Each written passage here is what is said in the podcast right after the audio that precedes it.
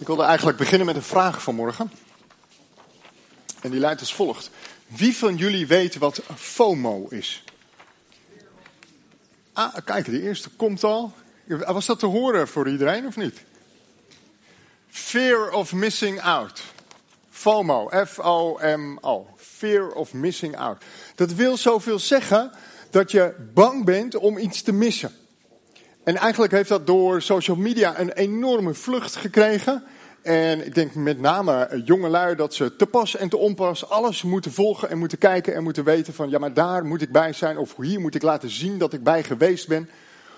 Omdat ik anders bang ben dat ik iets mis. Het heeft ook te maken met keuzes maken. Welk feestje ga ik wel naartoe? Welk feestje ga ik niet naartoe? Of blijf ik misschien thuis op de bank hangen? Nou, dat is sowieso geen optie thuis op de bank hangen, want dan mis ik sowieso een feestje.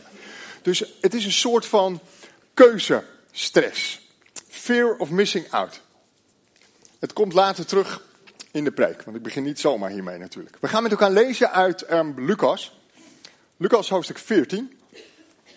De versen 12 tot en met 24. En hoofdstuk 14 begint dat Jezus opnieuw aanschuift aan tafel bij een fariseer. En er ontspinnen zich al wat gesprekken aan, uh, aan tafel voordat we starten bij waar we zo gaan lezen. Hij wordt angstvallig in de gaten gehouden. de vorige keer weten jullie nog wel dat Jezus echt met gestrekt been tegenin ging. Wee jullie, wee jullie. Hij wordt scherp in de gaten gehouden. En het begint met aan tafel al de vraag van, hoe mag ik überhaupt iemand genezen op Sabbat of niet? Nou, er komt geen antwoord op. En Jezus geneest en er komt nog steeds geen antwoord op. Vervolgens gaat het gesprek over de ereplaats aan tafel. En wie verdient de ereplaats aan tafel? En dan komen we aan bij vers 12. En ik lees met jullie versen 12 tot 24. Lucas 14. Tegen diegene die hem had uitgenodigd, zei hij: Wanneer u een maaltijd aanbiedt of een feestmaal geeft, vraag dan niet uw vrienden, uw broers, uw verwanten of uw rijke buren, want zij zullen op hun beurt u uitnodigen. En zo doen zij iets voor u terug. Wanneer u een feestmaal geeft, nodig dan armen, kreupelen, verlamden en blinden uit. Dan zult u gelukkig zijn. Juist omdat zij niets kunnen terugdoen. Want u zult ervoor beloond worden bij de opstanding van de rechtvaardigen. Een van de andere gasten die dit hoorde, zei tegen hem: Gelukkig al wie zal deelnemen aan de maaltijd in het koninkrijk van God. Daarop zei Jezus: Iemand wilde een groot feestmaal geven en nodigde tal van gasten uit. Toen de dag van het feestmaal gekomen was, stuurde hij zijn dienaar naar de genodigden om tegen hen te zeggen: Kom, want alles staat klaar. Maar één voor één begonnen ze zich te verontschuldigen. De eerste zei: Ik heb net een akker gekocht, die ik beslist moet gaan bekijken. Neemt u mij niet kwalijk, ik kan niet komen. En de ander zei: Ik heb vijf span ossen gekocht en ik ga ze keuren. Neemt u mij niet kwalijk, ik kan niet komen. Weer een ander zei: Ik kan niet komen. Ik ben pas getrouwd en daarom kan ik niet komen. Toen de dienaar teruggekomen was, bracht hij zijn, verslag, zijn heer verslag uit. De heer des huizes ontstak in woede en zei tegen de dienaar: Ga vlug de stad in en breng uit de straten en stegen de armen en kreupelen en blinden en verlamden hierheen. Toen de dienaar hem kwam melden: Heer, wat u hebt opgedragen is gebeurd en nog is er plaats, zei de Heer tegen hem: Ga naar de wegen en de akkers buiten de stad en haal iedereen binnen, want mijn huis moet vol. Ik zeg jullie: niemand van de genodigden zal van mijn feestmaal proeven.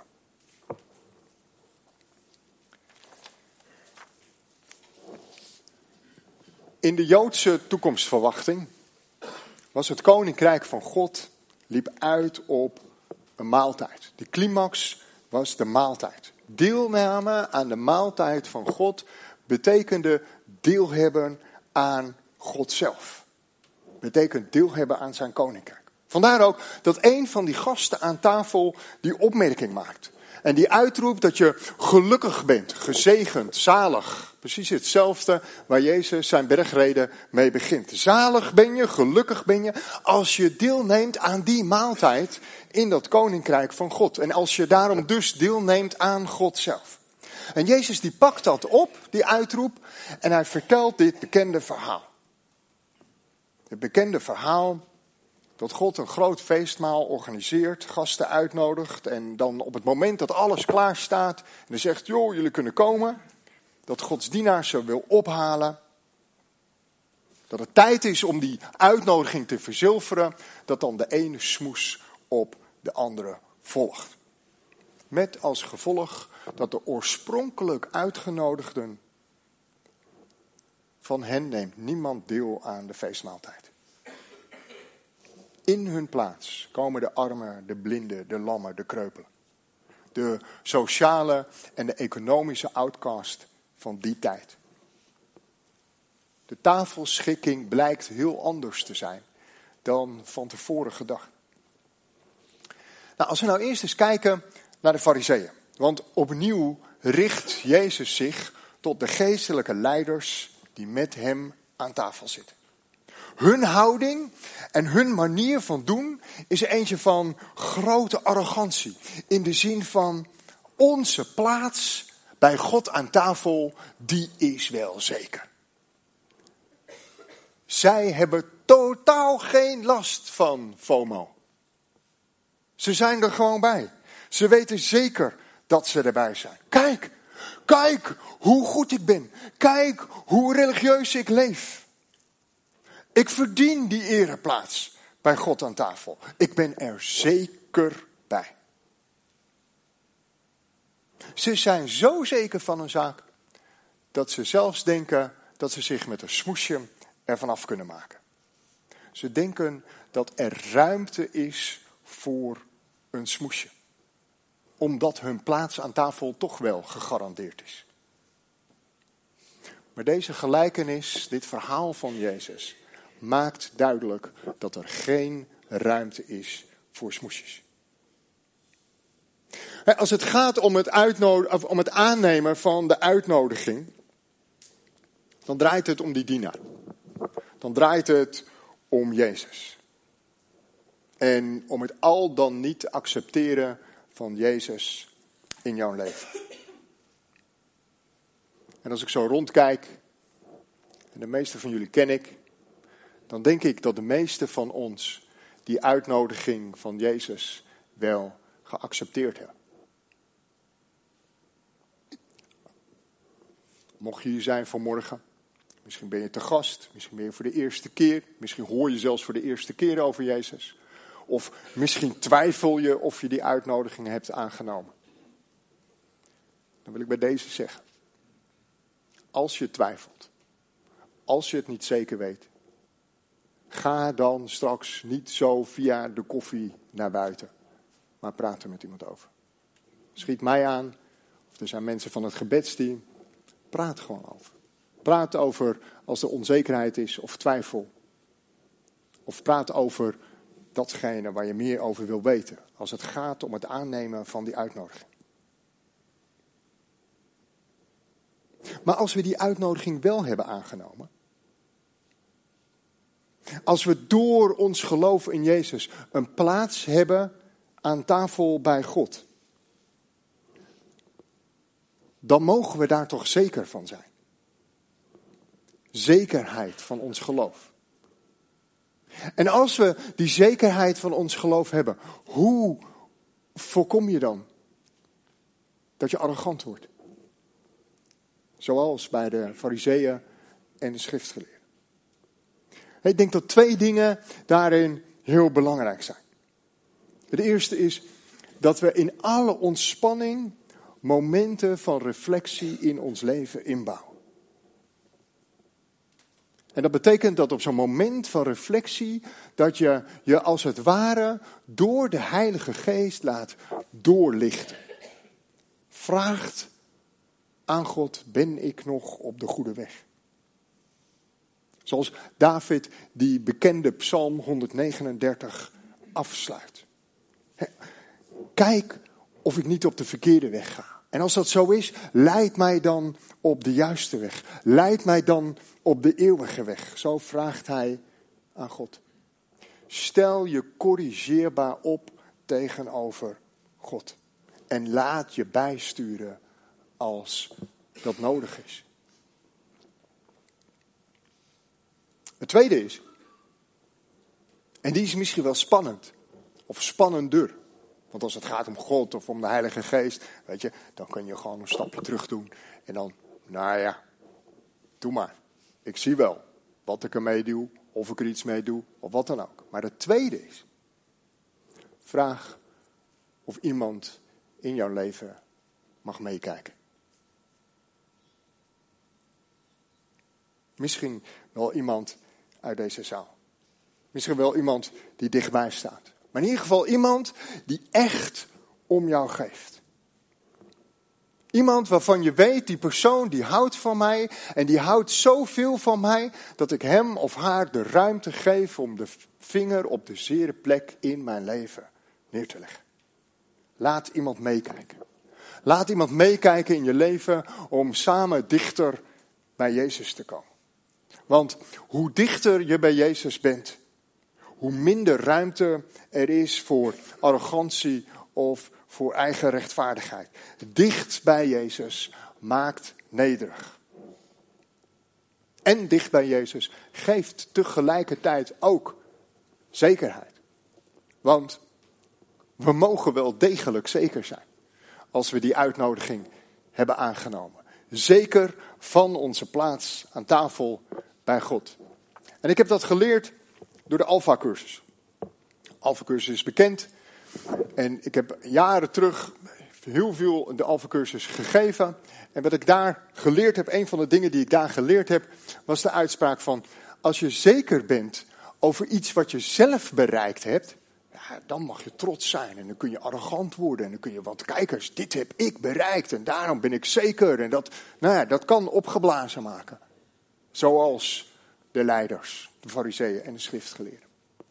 Maar wij als christenen mogen zeker zijn van ons geloof, omdat het gebaseerd is op het werk van iemand anders. Het is niet gebaseerd op jou of op mijn werk, maar het is gebaseerd op het werk van de Heer Jezus.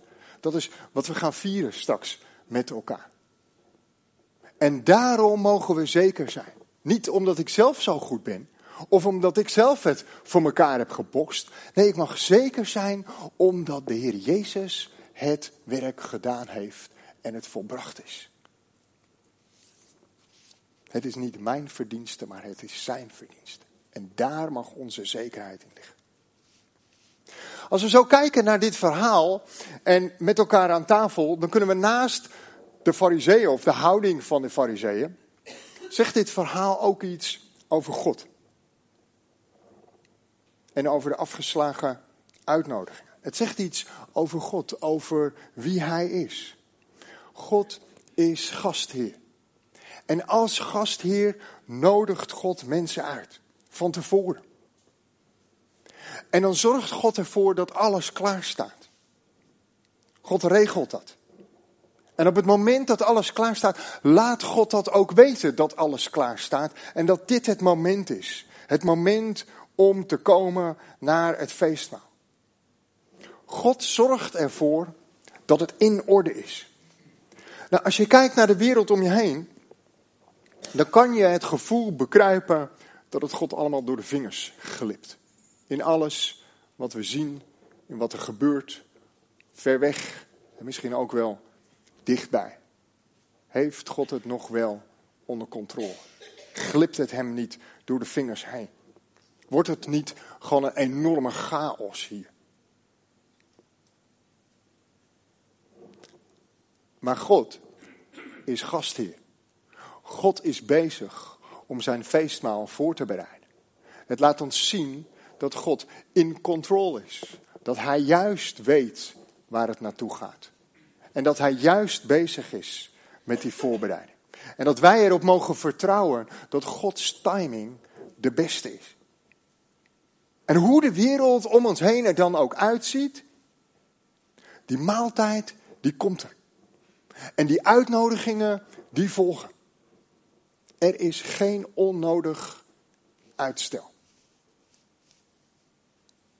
Dat die gastheer woedend is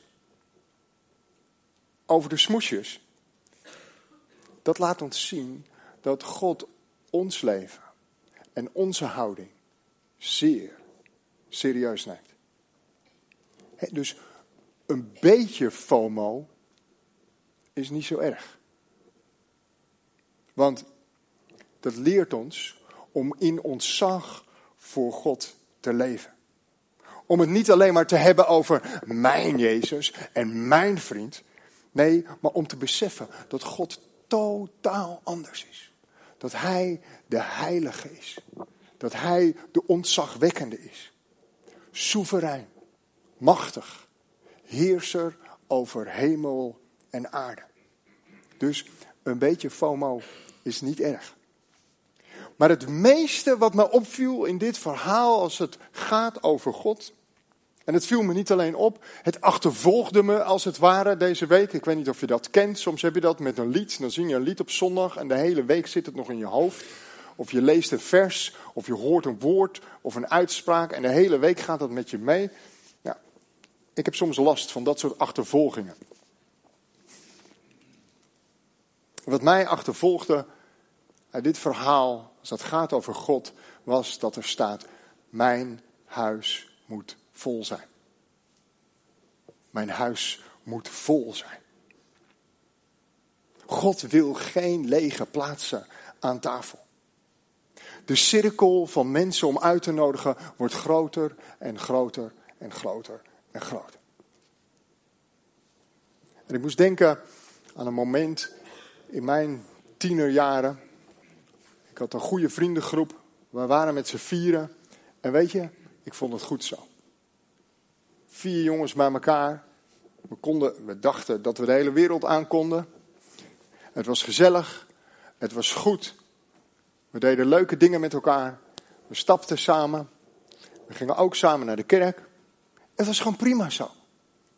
En af en toe zei eens iemand van, ah, we kunnen ook die wel eens meenemen als we een keer weggaan. Ah, en laten we anders die meenemen. Of laten we die meenemen. En ik dacht bij mezelf, ja, maar dat wil ik helemaal niet. Het is goed zo. Ik ken jullie. We zijn met z'n vieren. Het is gezellig. Waarom moet er zo nodig weer iemand anders bij? Of weer iemand anders bij?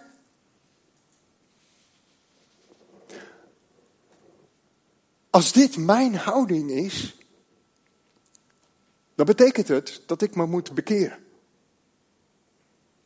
Als dat de houding is van ons als gemeente, dan betekent dat dat wij ons moeten bekeren. Want God wil dat zijn huis vol is. En er worden juist diegenen genoemd die menselijkerwijs geen waarde hebben. Lammen, kreupelen, blinden, armen, de sociale en de economische outcast van de maatschappij. Maar bij God is er voor hen plaats aan tafel.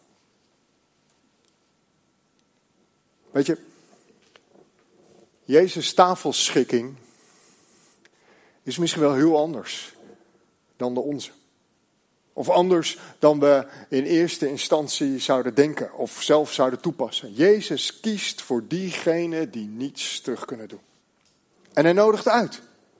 Dichtbij, verder weg, nog verder weg. En als arrogantie of je eigen rechtvaardigheid in de weg staan, dan gaat je uitnodiging naar iemand anders. Want God wil dat zijn huis vol is. En ik dacht,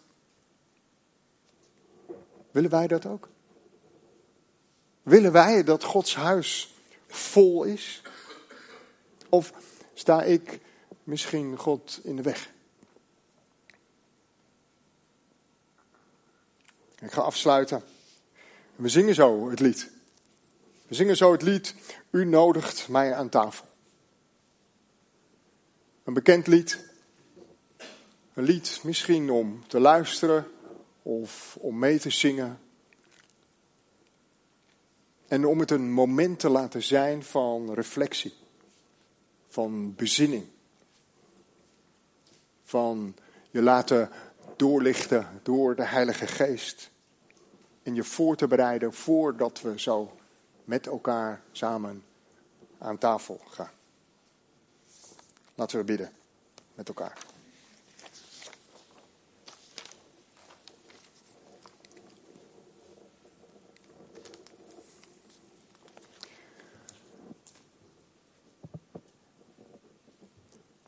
Vader in de hemel, dank u wel. Dank u wel dat u uitnodigt. Dank u wel dat u alles in uw handen houdt. Heer, en dat uw maaltijd zeker weten doorgaat. Heer, en we bidden met elkaar en we bidden voor elkaar dat als er dingen in de weg staan, dat u ze zult aanwijzen. Liefdevol, geduldig, maar wel aanwijzen. En help ons dan. Help ons, Vader, om de dingen die niet juist zijn, om weg te doen uit ons leven. Help ons, Heer. Kom ons tegemoet in als we twijfels hebben.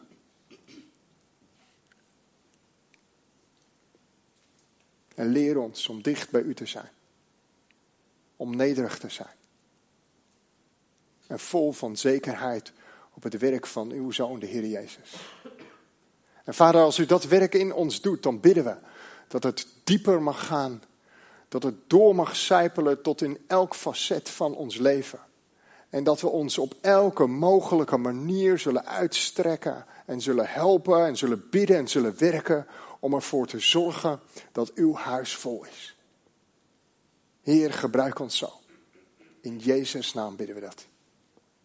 Amen.